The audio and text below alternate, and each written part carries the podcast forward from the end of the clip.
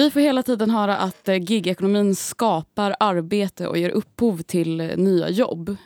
I ett yttrande från riksdagen om gigekonomin kan vi bland annat läsa Riksdagen anser att det är positivt att den tekniska utvecklingen gör det möjligt att skapa nya tjänster och jobb via digitala plattformar. Det gynnar den europeiska konkurrenskraften och får fler i arbete. Ja, eh, samtidigt menar politiker att eh, reglering av gigarbetares eh, arbetsvillkor innebär att färre arbeten kommer skapas i gigekonomin och det här verkar helt enkelt vara viktigare att skapa fler jobb än att se till att de jobb som finns är bra. Men varför ser det ut på det här sättet? Och hur kan det överhuvudtaget vara positivt att skapa mer arbete när arbetet är något som de flesta av oss ser som ett tråkigt måste? Behöver vi verkligen alla de här tjänsterna som uppstår genom gigekonomin där folk kör ut pizza, krattar löv eller tvättar kläder?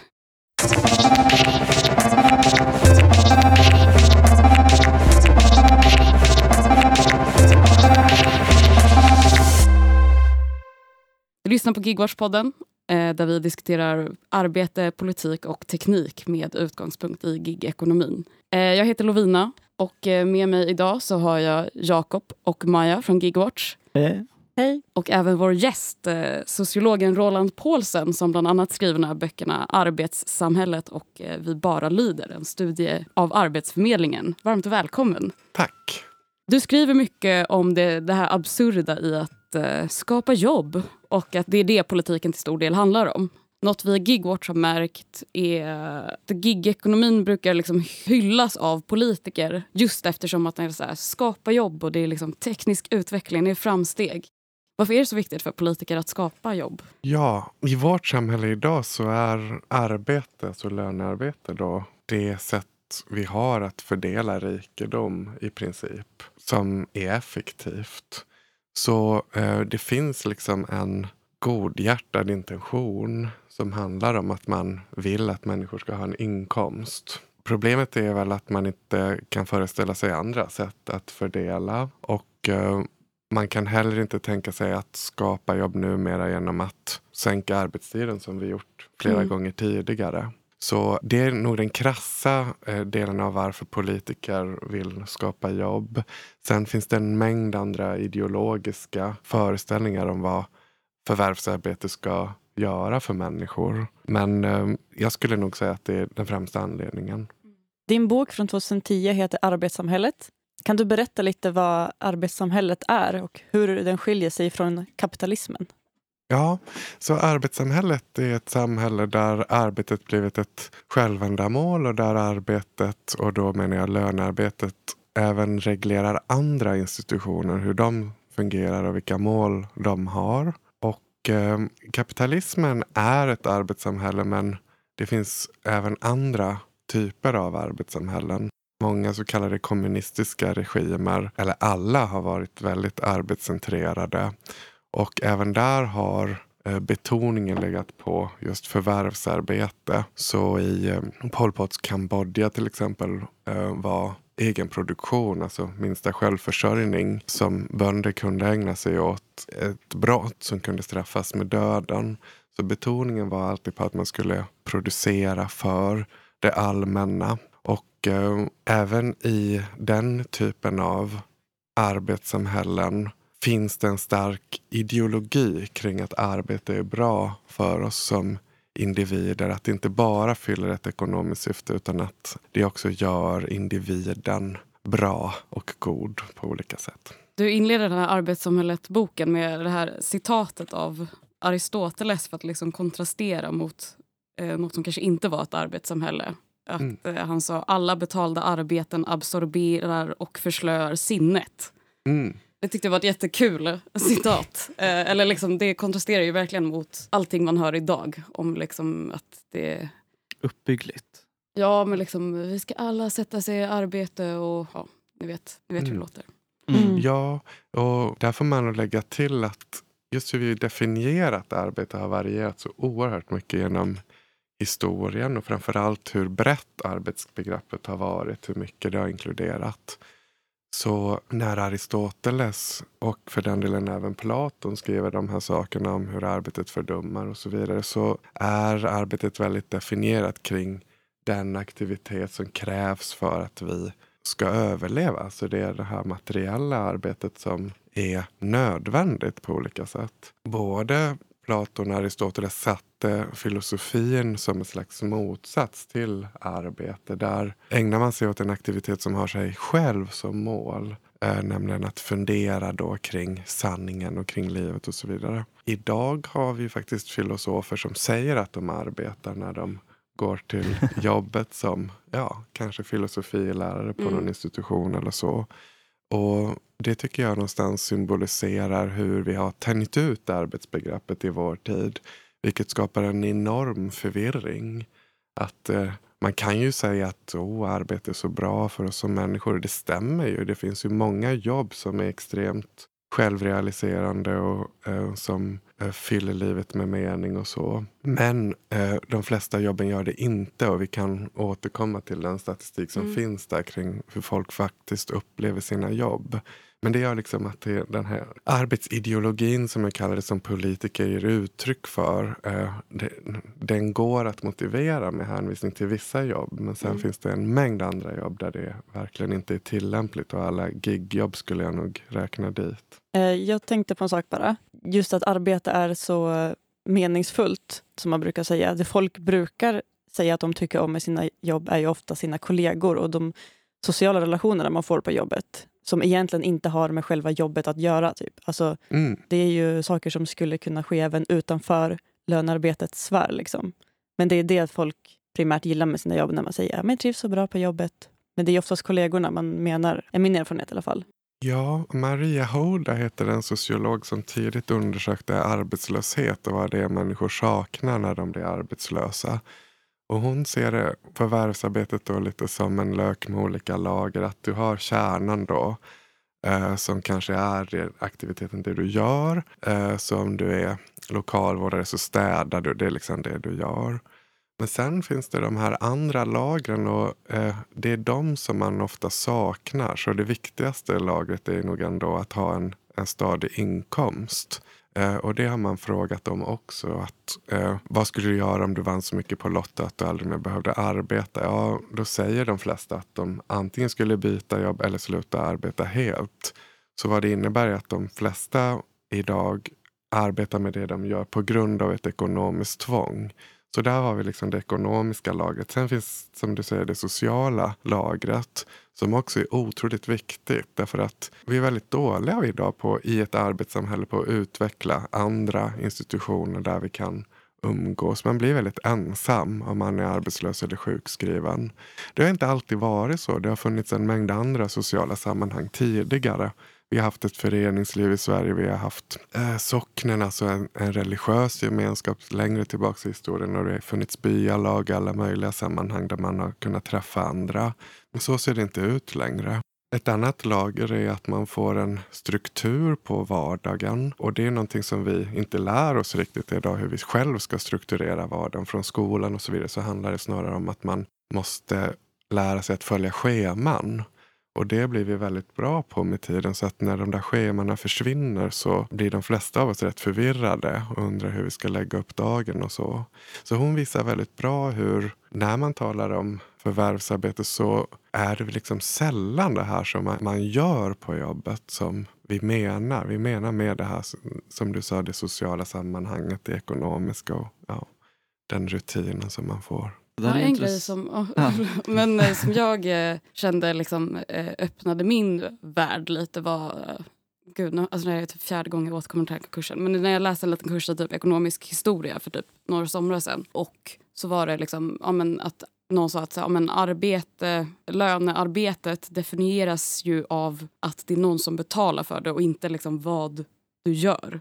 Liksom punkt. Typ. Så att det är så här, vad lönearbete är kan ju liksom vara vad som helst. Alltså, mm. I princip, eftersom det liksom kan vara Ja, gud vet vad. Det, det var, det var liksom en sån grej. Alltså, när man säger sån där liksom generell drag som det är bra med arbete, bla bla bla, så är det liksom, okay, men det är helt oklart liksom, vad arbetet ens, eller vad, vad det är. Liksom. Alltså, ja. Jo, det var faktiskt en poäng jag ville belysa i min doktorsavhandling mm. som handlar om folk som inte gör så mycket på jobbet. Mm. Jag intervjuar folk som la kring hälften av arbetstiden på privata aktiviteter.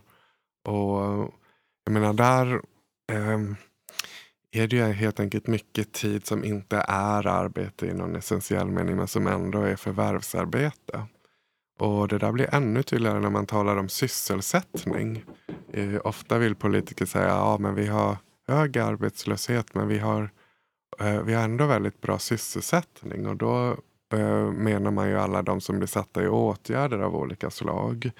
Och där är det ju ännu mer bisarrt egentligen att du kan, du kan liksom låsa in människor i en lokal.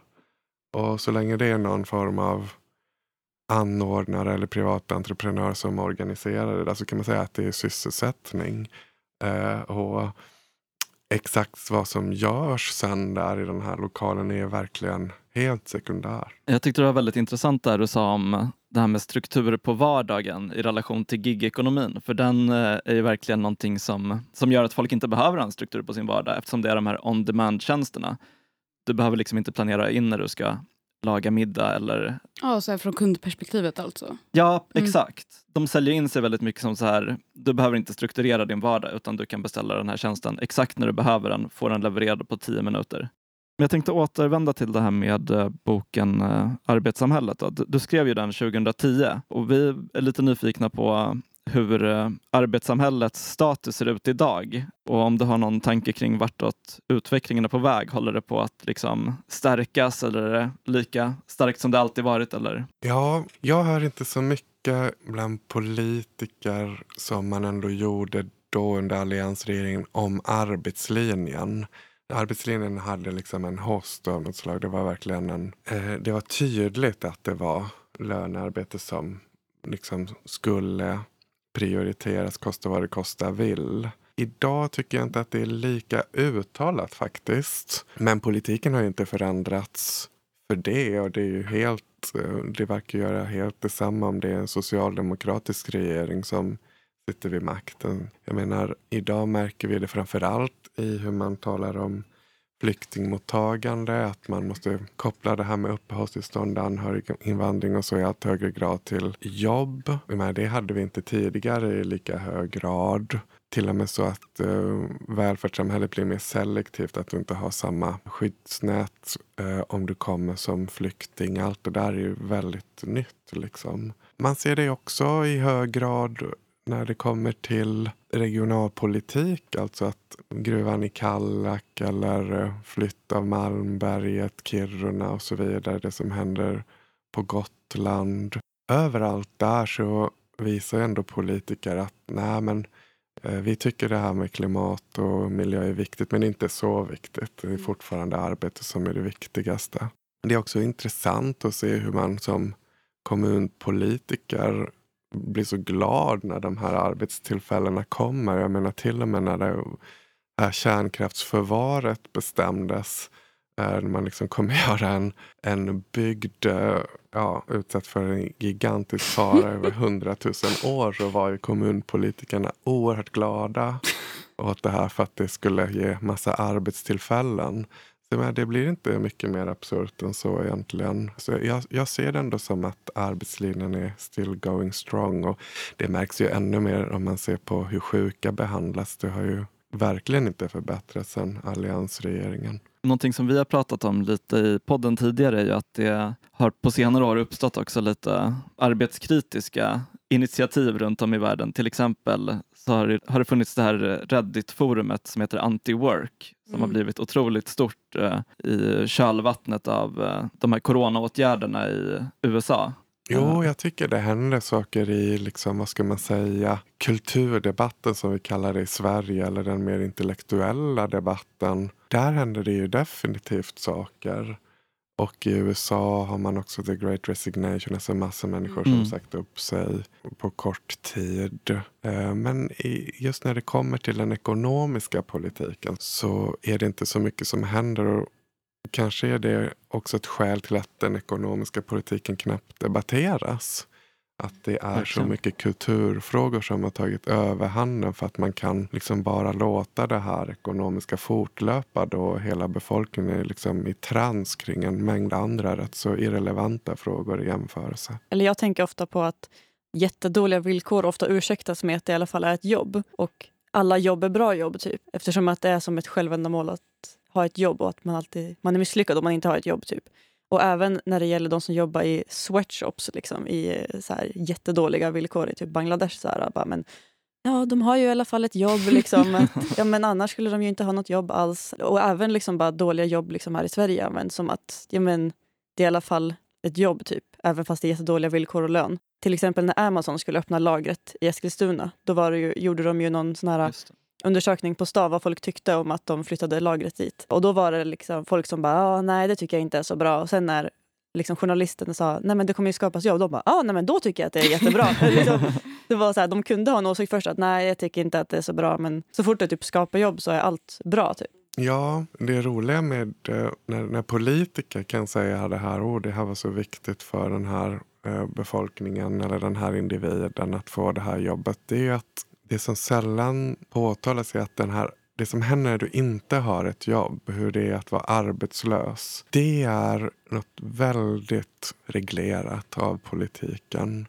Alltså det är noggrant planerat vilka krav som ska ställas på arbetslösa, hur man ska tvingas in i aktivering som det kallas av olika slag och, och inte minst då hur höga ersättningsnivåerna ska vara. Eh, så arbetslöshet är en helt politiskt skapad konstruktion. Och eh, när man säger det här från politiskt håll att ja, det är så hemskt att vara arbetslös och därför måste vi till varje pris skapa jobb så är det liksom en omskrivning för vi har gjort det så hemskt att vara arbetslös. Så därför måste vi till varje pris skapa jobb så att folk ska slippa det här hemska som vi har, som vi är ansvariga för. Eh, och det där tycker jag ofta glöms bort. Man ser arbetslöshet som något, ett naturligt tillstånd som har varit konstant genom historien och det har det verkligen inte varit. Vi tänkte återkomma lite till eh, just eh, arbetslöshet och arbetslöshetens historia. Men jag tänkte bara pausa lite och eh, fortsätta prata lite om de här senaste tio åren typ, och utvecklingen. Alltså, anledningen till att vi startar är ju liksom helt enkelt för att vi sett liksom, de här konstiga gigapparna och gud vet vad. Eh, och många av dem är ju liksom tjänster som vi typ inte ens kunde föreställa oss för typ men, alltså, nästan 5-10 år sedan. Det finns en app som heter Gubbe eh, där man kan betala någon eh, för att hänga med sin farmor. Mm. Så det är som någon slags så här, jag orkar inte fika med farmor längre. Men då kan jag betala någon. Ja, så det, men jag kan betala någon att göra det åt mig. Liksom. Det sociala mest. Liksom, att, Ja, eh, ja. precis. Och min farmor är så ensam för att jag aldrig hälsar på henne. Men då har man en app för det.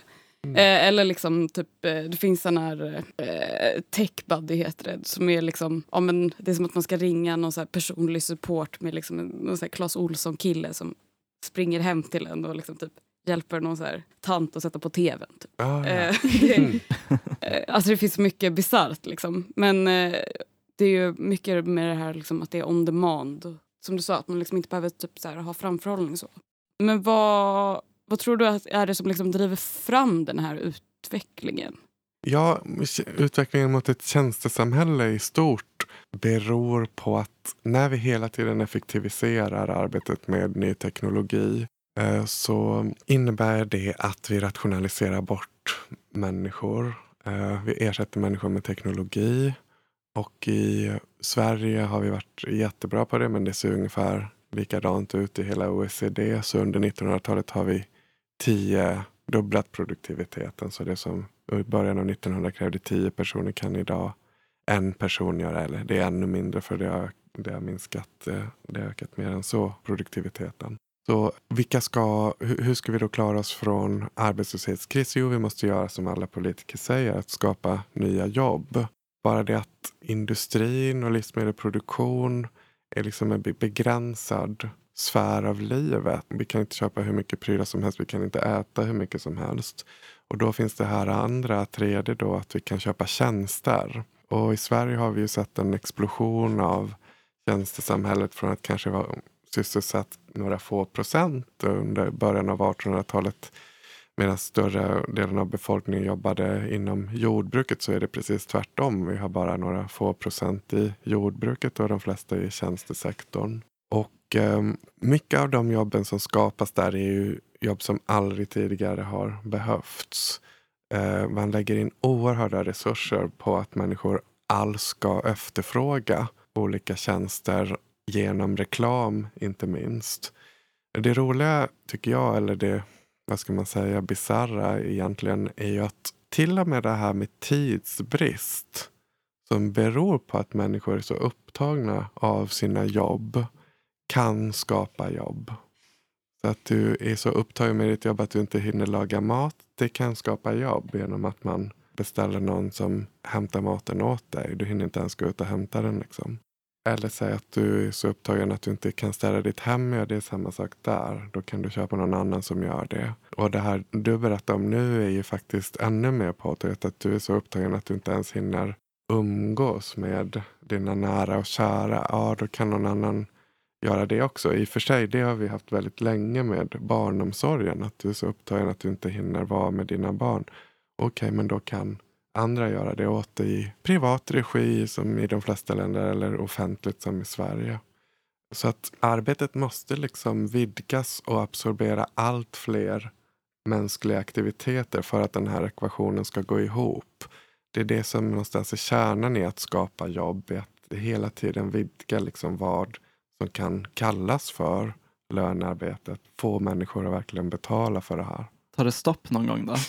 Tar det någonsin slut på aktiviteter som kan bli arbete? Liksom? Ja, vissa är ju mer deterministiska när det kommer till det här. Inte minst marxister brukar säga att ja, till slut så kommer det här implodera därför att lönekvoten och så vidare faller och det är massa olika. Men man har pratat om det i mer än 150 år, att det här liksom kommer att ta slut av sig självt. Jag kan möjligen se en sån att det finns ekologiska gränser. Även tjänsteproduktion tär ju på miljön. Så det kan man ju föreställa sig. Men jag tror egentligen att det är må många, många generationer dit. Det finns egentligen ingen gräns för hur mycket jobb man kan skapa. Och det blir återigen ännu tydligare när man talar om sysselsättning och arbetslösa. Där ser vi liksom att okej, okay, det, det, det går jättebra att kalla vad som helst jobb och sen pressa människor genom ett sånt system. Så jag inte, det hade varit trösterikt att svara ja, att det fanns ett stopp. Men jag, jag tror ju inte det. När vi hade Anders Teglund som är cykelbud och författare till boken Cykelbudet så pratade han ju om det här med last mile-branschen och att eh, vi kanske i framtiden kommer få se last inch Last ja, bite, någon som matar den. ja, verkligen. Mm. Eh, så det är som att fler och fler eh, liksom, jobb som egentligen inte tillför jättemycket måste skapas hela tiden för att kunna upprätthålla arbetssamhället. Alltså så länge arbetssamhället, vi lever i det här systemet så måste fler och fler jobb skapas. Ja, det är det enda sättet att framförallt fördela resurser i vårt samhälle. Du, vi kan ha människor som har otroligt stora resurser och i Sverige så ökar ju den lilla klicken, eller de, de blir rikare och rikare, den här rikaste promillen. Men det enda sättet att komma åt den rikedomen är liksom att få dem att anställa folk och sen att de kan få lön den vägen. Vi har liksom inga andra sätt idag trickle down economics. ja. Nu ska jag inte säga min uh, jämförelse med filmen Parasit för typ åttonde gången i den här podden. Men den handlar ju verkligen om det. Den här uh, jätterika familjen som anställer en, en, annan familj för att utföra alla deras små sysslor. Liksom. Mm. Det är verkligen en bild av det här moderna tjänstesamhället. Jag tänker också lite om i den här liksom skapa jobb-psykosen och det här arbetssamhället. Att det, jag tänker att folk egentligen ofta kanske gillar att laga mat, gillar att hänga med mamma. Vad är det för liv man vill se? Alltså vad ska liksom ens, ens fritid bestå av? Alltså så här, om det liksom inte finns plats för någonting mänskligt i det här, vad blir kvar? Ja, nej, det är en jättebra fråga. Det talas ju mycket om quality time. Jag kan tänka mig att det är sånt man vill optimera. Mm. Men sen det sorgliga svaret är att det kanske inte blir någonting kvar. Och där tänker jag på en studie av Ali Hochschild som är en amerikansk sociolog. Hon skrev en bok som heter The Time Bind där hon, hon intervjuade människor i ett stort amerikanskt företag om deras liv. Nästan alla hade tidsbrist och sen fick hon vara med när det här företaget erbjöd sina anställda två alternativ. De fick gå upp i lön eller så fick de gå ner i arbetstid. Så det var mer privilegierad arbetskraft. Och trots att alla hade tidsbrist så valde nästan alla att eh, gå upp i lön. Och den här studien handlar om vad det berodde på. Varför valde de det här? Och det som först är en arbetsplatsstudie blir liksom mer och mer en familjestudie. Mm. För det, ja, om man ska sammanfatta så är hennes resultat att för många av de här anställda så var familjen en mer påfrestande plats Oh, än, eh, än lönearbetet. För Mm. att familjen kom ju i andra hand. Så det fanns alltid en känsla av skuld där, kaos, barn som inte var så glada, skilsmässor med extra barn och massa konflikter och så vidare. Och eh, som flera av hennes intervjupersoner sa, det är fa- fantastiska citat, så var liksom arbetet en mycket lugnare plats. För på lönearbetet, om vi talar mer reglerat lönearbete än Mm. gigjobb, så, så är ju allt oftast väldigt tryggt. Det finns en chef du kan gå till om det blir, blir konflikt. Det kan du inte i familjen. Det finns tydliga regler, det finns artighetsnormer, det finns en tydlig hierarki. Klara mål också. Det här ska du göra. Du blir liksom aldrig klar som förälder eller som familjemedlem på samma sätt. Och förklaringen till att man liksom ändå prioriterar att fortsätta med att arbeta trots att det finns en möjlighet att arbeta mindre är någonstans att man blir bra på det man gör och dålig på det man inte gör. Så om hela samhället, om hela socialiseringen går ut på att bli bra på arbete så det är det vi kommer bli bra på. Men sen kommer vi bli ganska dåliga på allt det andra. Jag tycker att det är en jätteupplysande syn på saker och ting. Alltså vi har i fiktion, i konst och så vidare en, en syn på det här med att leva tillsammans, att vara förälder eller att leva i par. Det beskrivs ofta som något oerhört svårt. Mm. Och det beskrivs ofta som något existentiellt, att det är så här det är att vara människa.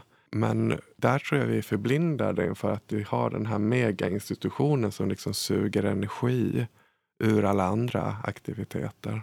Mm. Specialiseringens baksida. Ja, framförallt att, vi, att det är så mycket tid som går till de här väldigt specialiserade aktiviteterna. Så vi har Mm. helt enkelt inte liksom tid att öva på att vara människor.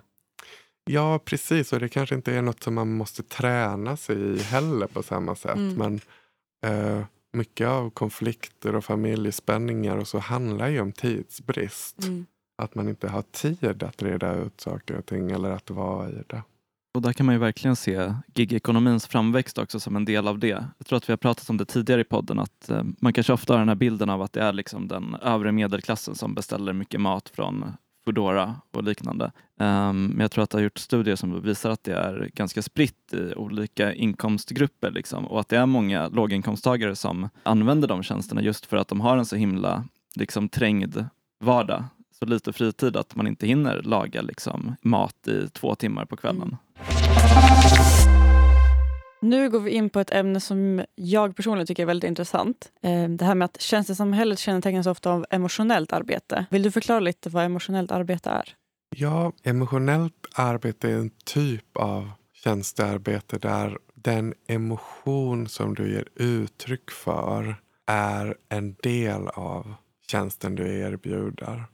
Så en, ett exempel kan vara en, ja det man ofta tar som exempel är ju stewards eller flygvärdinnor som har som instruktion att förmedla en känsla av omsorg och vänlighet. Egentligen finns det i nästan all servicepersonal skulle säga att eh, det viktiga är inte bara när, att du ska ställa ner en tallrik eller ett glas på bordet utan du ska göra det på ett visst sätt.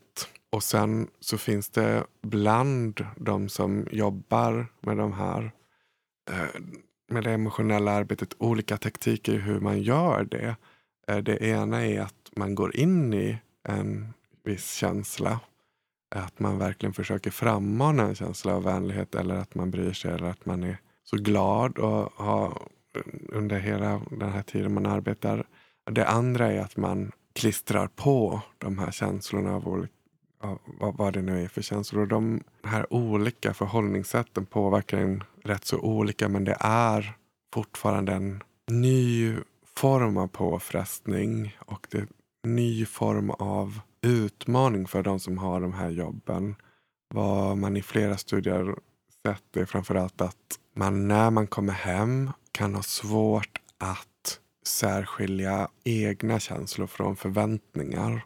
Och det är väldigt viktigt i sociala sammanhang, vilka det än är, om det är vänskap eller relationer eller, eller så. Att, vad är det jag känner i den här situationen? Vad är det jag förväntas känna? Det kan bli väldigt svårt om du hela dagen går och bara uppfyller förväntningar på hur det ska vara. Ja, ja men precis. Och sen diskuterade vi lite om att det här emotionellt arbetet har blivit en viktigare aspekt av dagens arbetsmarknad eftersom att vi har mer och mer serviceyrken till exempel. Hur kommer det sig att det liksom blir vanligare inslag på arbetsmarknaden? Jo, men det har att göra med det vi talade om tidigare. Att eh, när man hela tiden måste vidga förvärvsarbetet till att inkludera fler och fler mänskliga aktiviteter så kommer det emotionella in. Alltså du, om du vill ha den här, eh, någon som åker och vad var det, fika med din mormor eller farfar och så vidare så kommer det vara viktigt hur det här görs. Du kan inte bara sitta där och häva i dig din tårtan eller vad det är och sen åka vidare. Eh, utan det ska liksom göras som om det var en verklig vän som kom förbi. Det är väl det ena, att det liksom speglar de aktiviteterna som arbetet tar över.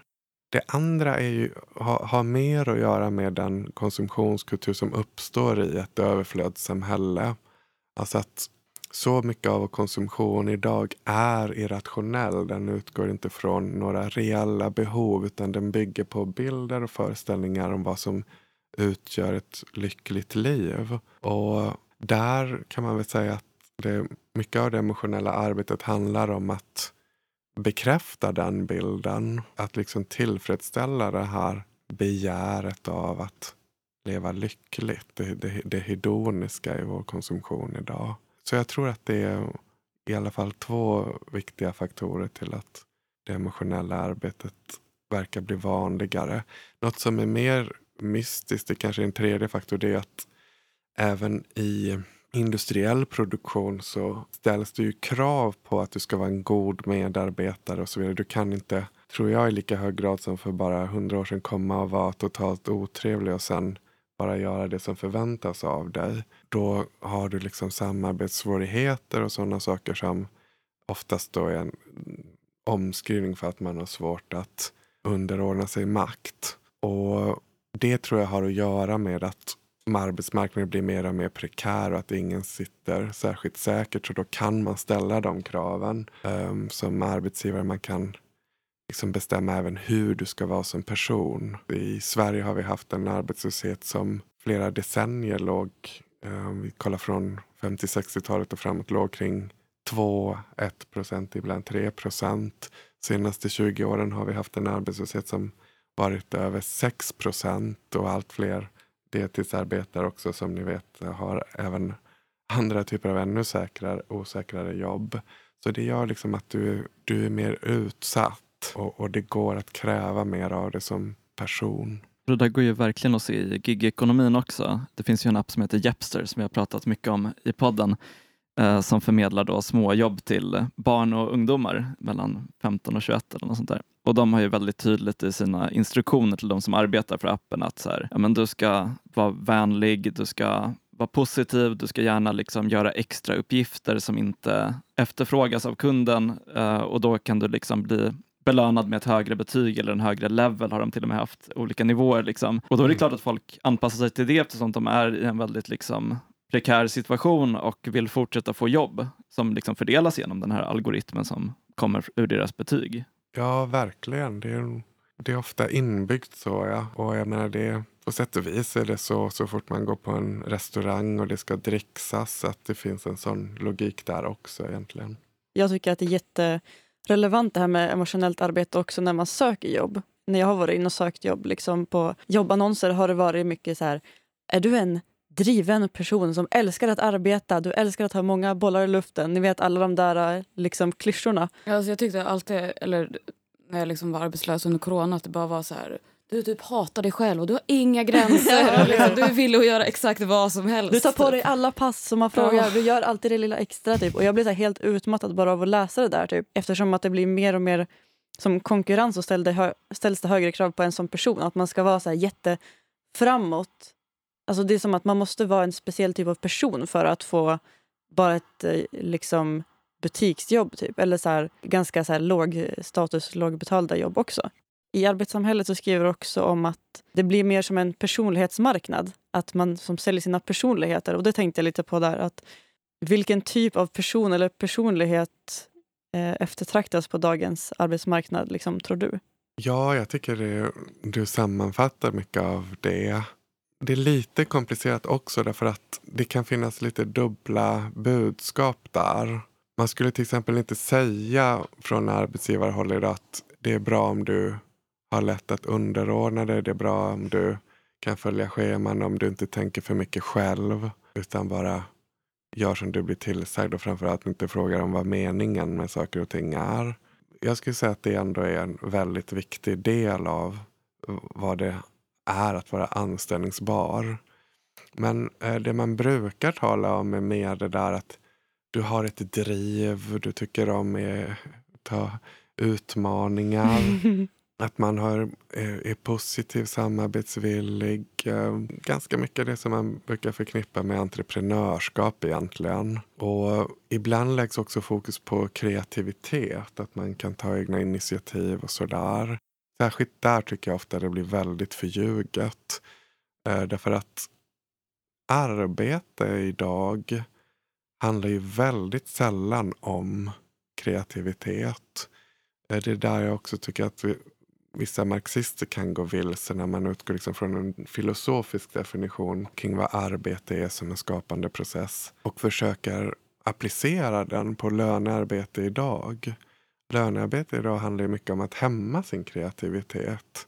Att inte tänka ut andra lösningar på problem utan att bara göra det som organisationen, ledningen har bestämt att du ska göra. Eh, så att det är egentligen väldigt dubbla budskap som sänds ut. Ett officiellt eh, med massa fantastiska fina ord.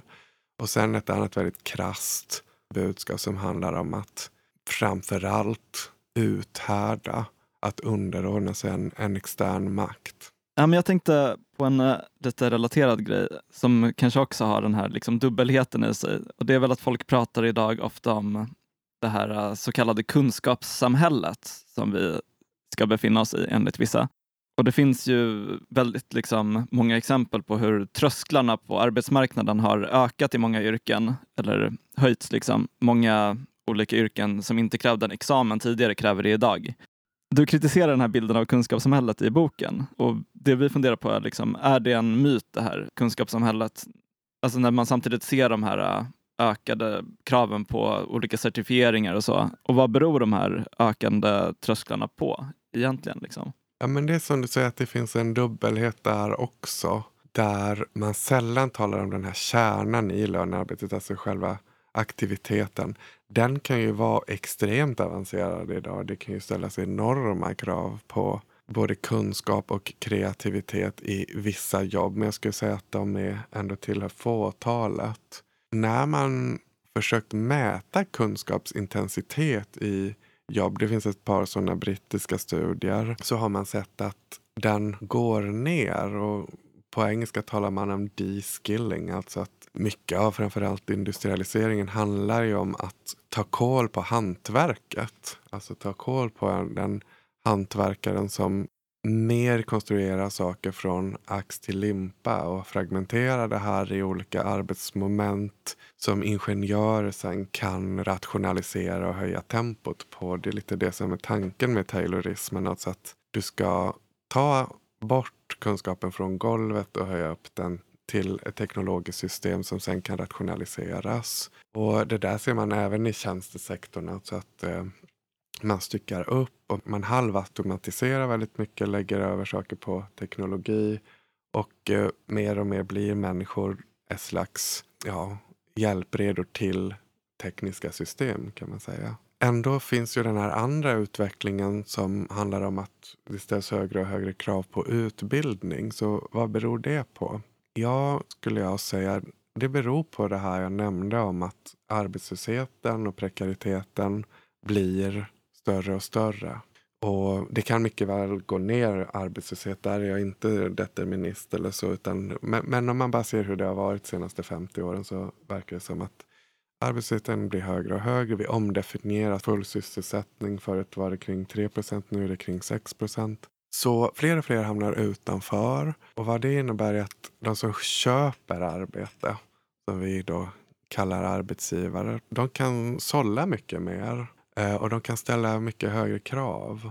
Och ett sådant krav kan ju vara att eh, man ska gått igenom en utbildning. Och ofta tror jag också det fyller en funktion. För man kan se som arbetsgivare att du har i alla fall gått igenom den här utbildningen. Så då kanske du också kan gå igenom det här jobbet. Liksom du har underordnat dig en sån där utbildning. Då kanske du också kan underordna dig här.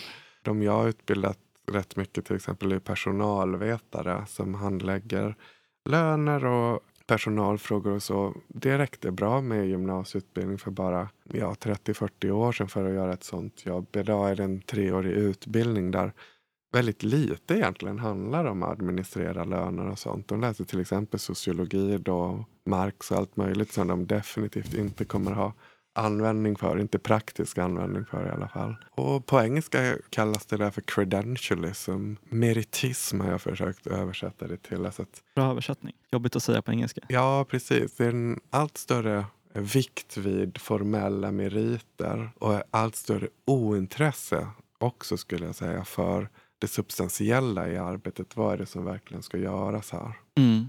Och där måste jag komma med ett personligt exempel också. Eh, jag har gått eh, det mesta av utbildningen i arkivvetenskap för ett par år sedan. Blev aldrig mm. klar med den. Men eh, då gjorde jag ju praktik på ett arkiv. Och när jag kom dit så visade det sig att de flesta som jobbade där, de hade inte gått den utbildningen. Utan de var ju liksom folk som hade pluggat väldigt länge på universitetet i många olika strökurser liksom, och till slut hamnat där för att de hade en ganska stor liksom, allmänbildning och intresse för eh, gamla papper. Liksom.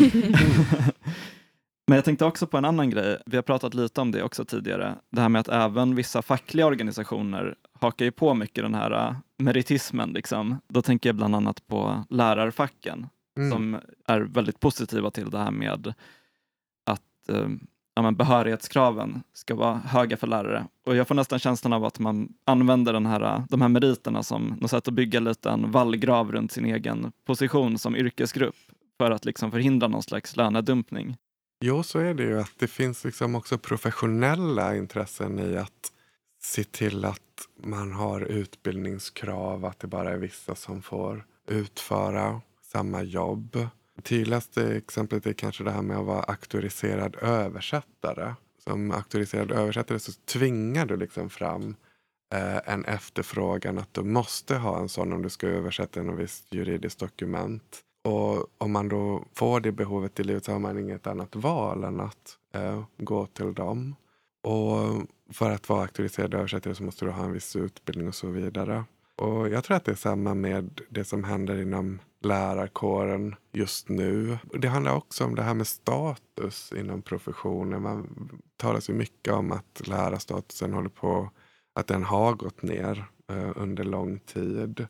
Och så blir det här med lärarlegitimation och utbildning något som man hoppas ska förbättra det och sen skapas det massa interna system med första lärare och sånt som är ganska löjeväckande kan jag tycka. Men det speglar verkligen en sån utveckling som också är så lätt att ifrågasätta. Jag menar, inte minst när det gäller språklärare kan man föreställa sig att det är många som haft ett eh, modersmål, till exempel spanska eller franska. Min mamma är fransyska. Hon, hon skulle aldrig kunna undervisa det för hon har inte gått den här lärarutbildningen men hon har nog ändå en större förståelse för språket än många andra som inte haft det som modersmål och så. Och det här med översättare är ju verkligen eh, intressant för att där uppkommer det många märkliga lösningar på det här problemet med att behöva anlita då dyrare legitimerade översättare. Jag vet till exempel folk som har jobbat med att eh, korreläsa juridiska dokument som har översatts utomlands av eh, översättare typ i Polen eh, som har en mycket lägre timlön, men som har väldigt låga kunskaper i svenska. Liksom. Och då sitter det folk i Sverige och jobbar på gigbasis med att eh, korrekturläsa de här dokumenten. Ja, när det är översättarbranschen är superintressant som också håller på att automatiseras så att översättare i allt högre grad liksom får sitta och korreläsa dokument som matats genom program som de använder. De får inte använda Google Translate men motsvarande Mm. program. Eh, Ska vi gå tillbaka lite till det här med arbetslöshet och även Arbetsförmedlingen. Sveriges minst omtyckta myndighet var det väl? Jo, men eh, du har ju skrivit en till bok som heter Vi bara lyder som handlar om Arbetsförmedlingens problem med att förmedla arbete som då är dess uppgift, Mm. som den inte hanterar lika Man kan bra. gissa från namnet. Ja. Och um, gigföretagen brukar framställa sig själv som privata arbetsförmedlingar för de ses ju inte som arbetsgivare utan som en förmedlare av jobb, liksom en lapp i affären typ. Och vad beror Arbetsförmedlingens kris på och vilka problem uppstår när uppgifterna utförs av privata företag? Ja, krisen i Arbetsförmedlingen tror jag beror på att de har fått en uppgift som eh, dels vidgats mycket och som bara blir svårare och svårare att lösa. Det vill säga att förmedla jobb till de arbetslösa. Från början var Arbetsförmedlingen i princip bara en annonsplats. Du gick dit och såg vad det fanns för jobb. Och sen så kunde du välja och vraka ungefär. Ett tag så delade man också ut jobb. Man, man dolde för de arbetslösa vilka jobb som faktiskt fanns där ute och så. Och idag så är ju det egentligen Platsbanken heter den väl. Eh, deras digitala förmedlingstjänst. Det var liksom Arbetsförmedlingen. Men nu gör de ju en mängd andra saker som är politiskt ålagda. De ska aktivera och de ska utreda och de ska samverka med eh, Försäkringskassan, psykiatrin och, och så vidare. Det, det är ett mycket större uppdrag som handlar om att förvara de arbetslösa på olika sätt. Och framförallt att uppmuntra dem inom citationstecken till att ta jobb. Så när vi har en arbetslöshet som ökar så pass mycket som den gjort så blir det fler och fler som ska hanteras. Och eh, det här kontrollfunktionen blir ju då bara större och större. Så där, där tror jag någonstans att det bottnar i krisen i att det är en övermäktig uppgift. Och kanske är det också en uppgift som omdefinierats så tillvida att Arbetsförmedlingens funktion också är att fungera som en slags syndabock. Som alla kan säga, ja vi har problem med arbetslösheten, okej men vi ska förbättra matchningen med Arbetsförmedlingen, då kommer det bli bra. Jag menar, det har man sagt i mer än två decennier och varje generation politiker verkar tro att de har uppfunnit något nytt eh, när de säger det. Vad menar de med det då? Att de ska Jo, att- effektivisera?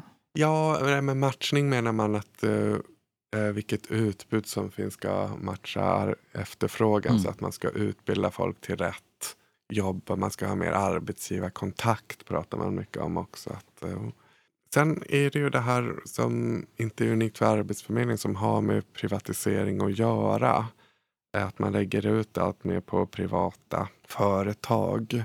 Och eh, risken med det är att eh, som med all så kallad new public management är att eh, de här företagen ändå främst utgår från ekonomisk lönsamhet. Så om du lägger ut utbildning på privata företag så har de egentligen inget större intresse i att erbjuda en så bra utbildning som möjligt kvalitativt. Utan deras intresse är att pumpa igenom så många människor som möjligt för det är det de får pengar för. Och därför är eh, många av de här utbildningarna rena skenutbildningar som egentligen inte bidrar någonting till det här med kunskap. Så, så det skulle jag säga är det stora problemet med att ha så många privata aktörer. P1 gjorde en eh, programserie för typ tre, fyra år sedan som hette De nya daglönerna om just eh, gig-ekonomin typ. Och liksom gjorde någon slags indelning i vad är det för något och hur är det att jobba. Och, och så var det ett fruktansvärt avsnitt med en massa politiker och entreprenörer också. Som, eh, ingen borde lyssna på, det var jättetråkigt. Men eh, du var med där i alla fall. Och eh, då, då minns jag att du eh, sa så här att just att politikers typ välvilja liksom, gentemot dem eh, förklaras liksom mycket i den här, alltså nästan eh, walk-over som typ politiker liksom lämnar i när det gäller liksom ekonomi och arbete. Att det liksom inte är något, att det inte är politik typ, utan att så här, ekonomi, ja men det är marknaden och den är fri typ. Ja. Det är inte min grej. Och Mm. att det liksom blir som ett så här, ja, men, eller liksom att det blir bara en lösning istället för att som man, ja, men, som du sa, man gjort innan, ja, men vi, man kan förkorta arbetstiden eller liksom Mm. göra politik av det. Liksom. Ja, och just med den offentliga sektorn är det tacksamt också att man kan säga så här om det är problem i skolan eller vad, vad det nu är så säger man inte okej det var nog misslyckat det här med den här privatiseringen utan reaktionen blir istället okej men vi ska ha bättre kontroller på det här och det gäller ju arbetsförmedlarnas aktörer också. Vi kommer ha bra kontrollsystem på hur de här aktörerna beter sig och se till att det håller god kvalitet. Och det är rätt fantastiskt att man ändå sagt det nu när man privatiserat liksom ytterligare på Arbetsförmedlingen. Det gör man liksom efter att vi har debatterat den här katastrofen vi har i skolan. Där hela den här kontrollverksamheten är ju helt skämt. Det går ju inte att göra så uppenbarligen. Det Menar finns- med friskolor och så? Ja, Mm. så det är ett sätt att förlägga ansvar egentligen Mm. på. Och man kan säga att ja, det, det är de här aktörerna som är problemet. Vi måste få bort, de- bort de oseriösa aktörerna. Då kommer det att bli bra. Eh, och jag vet inte hur länge det går att driva det. där. Det sorgliga är att till slut glömmer man bort att just det, det fanns ju en tid där ni tog det här ansvaret direkt själva. Där det inte var utlagt på någon annan aktör. Mm. Problemet är väl lite också att så här, om eh, marknadens lagar får styra så är väl den oseriösa aktören den som inte försöker maximera sin vinst. Mm. Så det finns lite Mm. två olika måttstockar där som inte riktigt är kompatibla och då blir det hela den här liksom, kontrollapparaten mellan som också skapar en massa nya jobb. Ja, nej, men jag var lite nyfiken på det här med eh, hur arbetslöshet liksom hanterats innan, eller liksom rent historiskt. För det har ju skett väldigt stora förändringar i, alltså under 1900-talet. Men hur har liksom arbetslösheten hanterats historiskt? Alltså jag tänker att vi avgränsar nu kanske till Sverige. Liksom. Och vad, vad beror de här förändringarna på? Ja, alltså det har ju funnits beredskapsarbeten till exempel som man har eh, tvingat in arbetslösa i. Och som haft ungefär samma ideologiska resonansbotten som idag att de som är arbetslösa ska inte komma för lätt undan och så vidare. Arbetslinjen är ju egentligen det att de sociala försäkringssystem vi har ska aldrig bli så effektiva att em, den som är arbetslös vill någonting annat än att ta marknadens sämsta jobb. Och så har det väl egentligen alltid varit. Men det som har hänt med ökad arbetslöshet är att aktiveringen har fått större och större ambitioner kan man säga. Det räcker inte bara att tvinga in människor i olika extra tjänster som idag till exempel utan man lägger större vikt vid utveckla rätt mentalitet, eh, rätt anställningsbarhet egentligen. Och där kan man se ett skifte faktiskt i hur disciplinering till arbete gått till. Att tidigare skedde det i mycket högre grad, om vi bara går tillbaka 40-50 år sedan, inom företag. Att det fanns en, en stark lojalitetsstruktur, det fanns liksom en, en företagaranda och så vidare som alla anställda var tvungna att sälla sig till. Och också starkare hierarkier egentligen inom företag. Idag så läggs mycket av den disciplineringen över på staten. Så den går via Arbetsförmedlingen i hög grad men även via socialförvaltning och, och försäkringskassa. Så väldigt mycket av det vi ser idag handlar om en slags disciplinering som också har ett förnedringselement i sig. Att du tvingas göra massa saker trots att det är uppenbart för alla att det inte fyller någon annan funktion än att du inte ska ha det för bekvämt. Och även om det har funnits tidigare så är det ändå en klar gradskillnad i hur mycket det har ökat. Ja, det klassiska exemplet är väl den här eh, fas 3, måla nyköpta stolar-grejen eller vad det, vad det nu var. Liksom. Ja, precis. Men det börjar ju tidigare. Även Ja. innan du är på långtidsarbetslöshet så ska du registrera dig och gå på olika Mm. eh, möten. Du ska söka sig och så många jobb eh, per månad oavsett vad det är för jobb och sådär. Så, ja.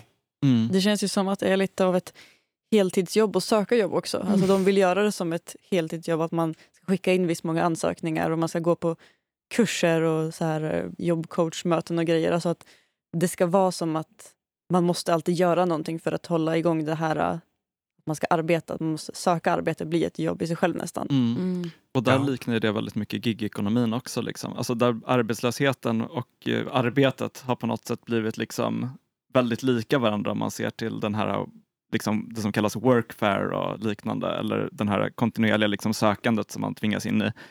Och samtidigt det här arbetslivet som är liksom, du anställs en timme i taget.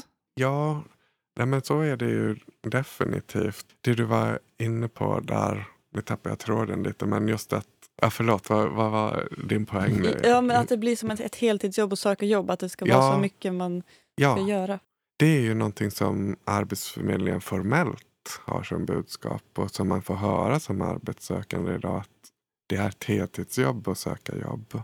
Det ska ta åtta timmar per dag. Mm. Det har de liksom en, det är nog inte bara en upplevelse utan det är verkligen så de vill att det ska vara. Mm. Och det är för att man liksom, den här starka idén om att det är bra att arbeta, typ att man ska redan börja då man söker jobb. Typ.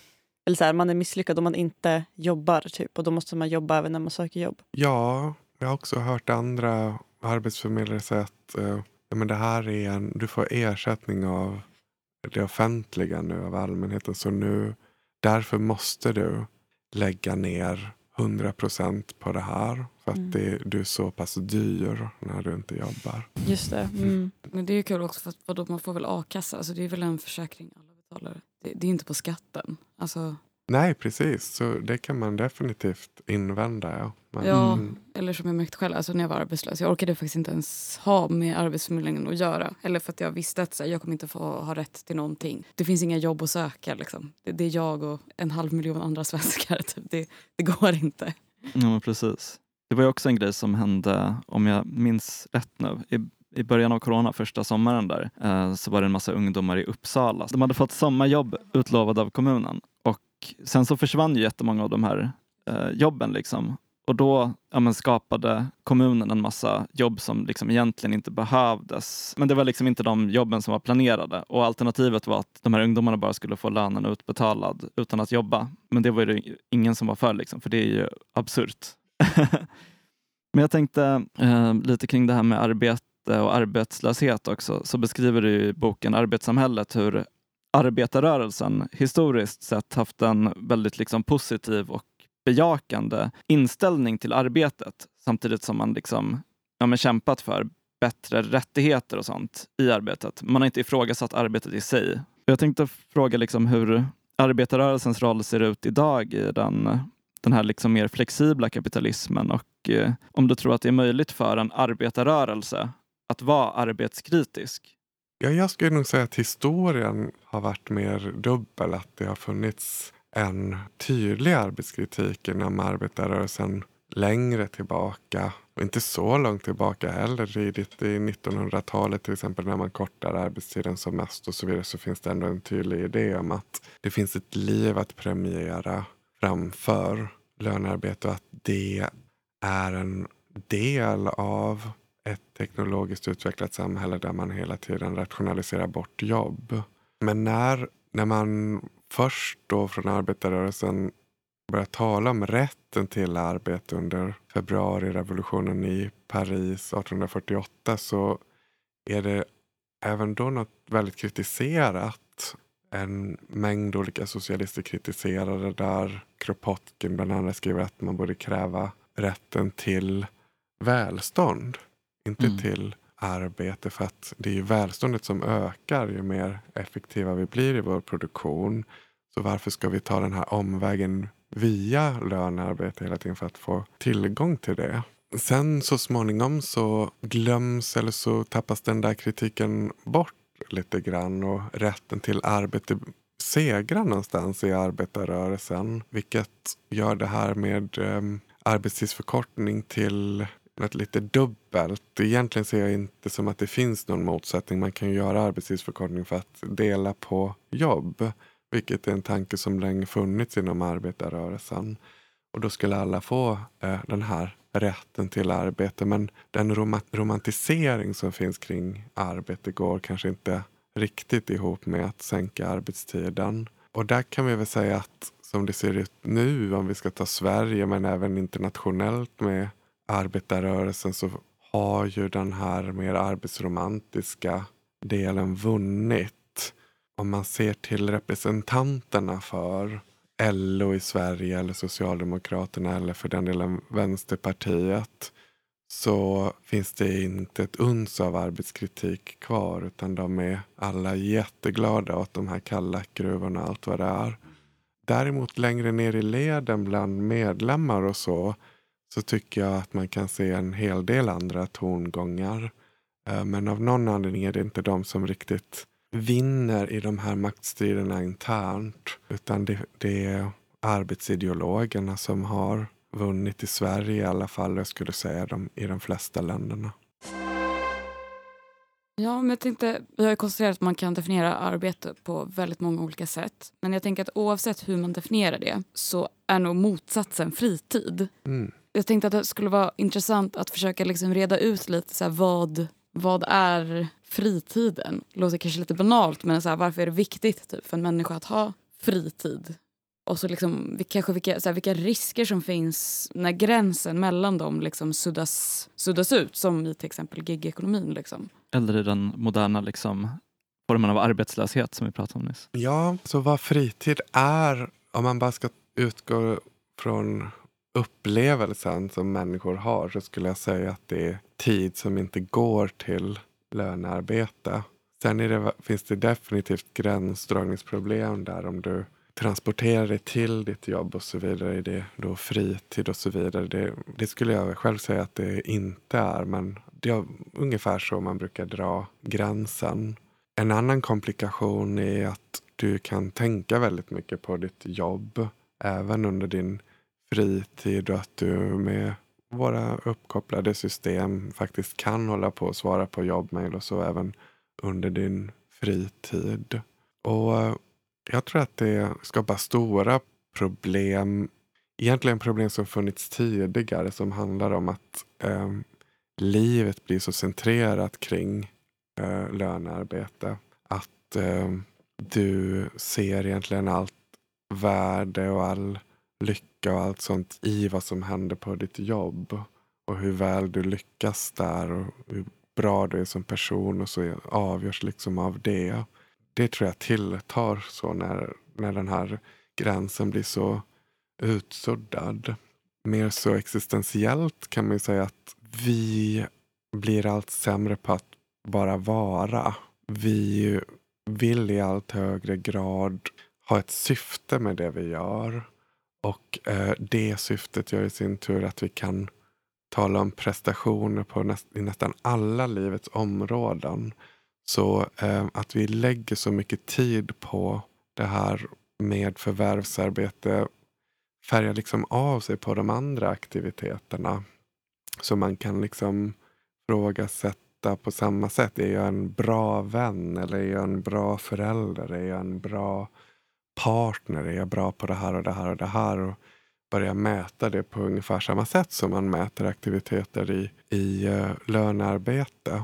Där tror jag att vi liksom går miste om något väldigt viktigt i livet. Eh, eller egentligen det viktigaste. Att um, det finns saker att förundras över. Att det liksom finns otroligt mycket större frågor att ta itu med att excellera i de här olika rollerna vi har.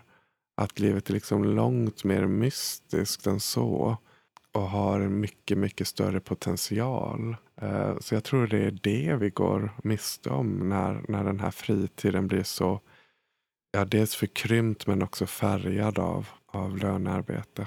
Väldigt eh, fint formulerat. Jag skulle nog kanske nästan vilja eh, sammanfatta det som, eller knyta an lite till eller det vi pratade om i början. Om liksom, apropå också det här med att eh, vad ska man säga, att eh, mänskliga liksom, relationer och tjänster till tjänstesamhället liksom, skapar mm. jobb. Och att liksom, fritiden är liksom, det mänskliga. Det är det det typ är att vara människa. Mm. Ja, verkligen. Jag menar, det här med eh, framförallt lönearbete så som det är strukturerat idag är ju en historisk parentes. Mm. Det har liksom knappt funnits i, i 200 år. Och tidigare har vi i och för sig också haft ganska utsuddade gränser mellan arbete och liv i form av eh, jordbrukssamhällen. Då. Men där har det fun fortfarande funnits en mer något organiskt över det. Och att du själv har kunnat besluta när ändra uppgiften ska utföras. Idag är det liksom hela tiden den här externa makten, någon annan människa som har bestämt att det ska se ut som det gör. Det jag tänker på mycket också är att alltså ens arbete blir ju ens identitet alltid. Inte bara när man är på arbetet utan att när man presenterar sig säger man ju jag är det här. Jag är snickare eller jag är frisör eller jag är Key Account Manager eller liksom vad det nu kan vara. Eller att det första man frågar någon är vad man jobbar med eller Vad gör du? vad gör du? Och då är det alltid vad jobbar du med? Att det är liksom det centrala i ens liv på ett sätt. Så det är väldigt förknippat med ens identitet också. Mm. Och så har det kanske varit flera tusen år tillbaka också. Men jag menar om vi ska zooma ut mycket så är det liksom högst 12 000 år det har handlat om. vi har haft jordbruk och de andra 180 000 åren har vi verkligen inte haft den typen av indelning. Och jag menar livet som jägarsamlare. Det finns olika uppskattningar men det verkar handlat om att man arbetade och då räknar man in liksom sånt som vi då skulle kalla konsumtion eller transport. Tog eh, ja, mellan två och fyra timmar per dag. Så liksom människan har sällan arbetat så mycket som vi gör idag även om eh, vi, har, vi har jobbat ännu mer eh, tidigare i industrialismen. Men vi är fortfarande liksom i något i ett historiskt undantag. Ja, men precis. För att när man pratar om sex timmars arbetsdag och så vidare brukar det vara nästan otänkbart för vissa. Nej, men vi måste ju bara jobba mer, liksom, känns det som att vissa tycker. Ja, det finns en känsla av brist, att åh, det är massa problem med välfärden och så vidare. Vi måste jobba mer. Men återigen så förvirras hela den diskussionen av att man inte gör skillnad på arbete och arbete.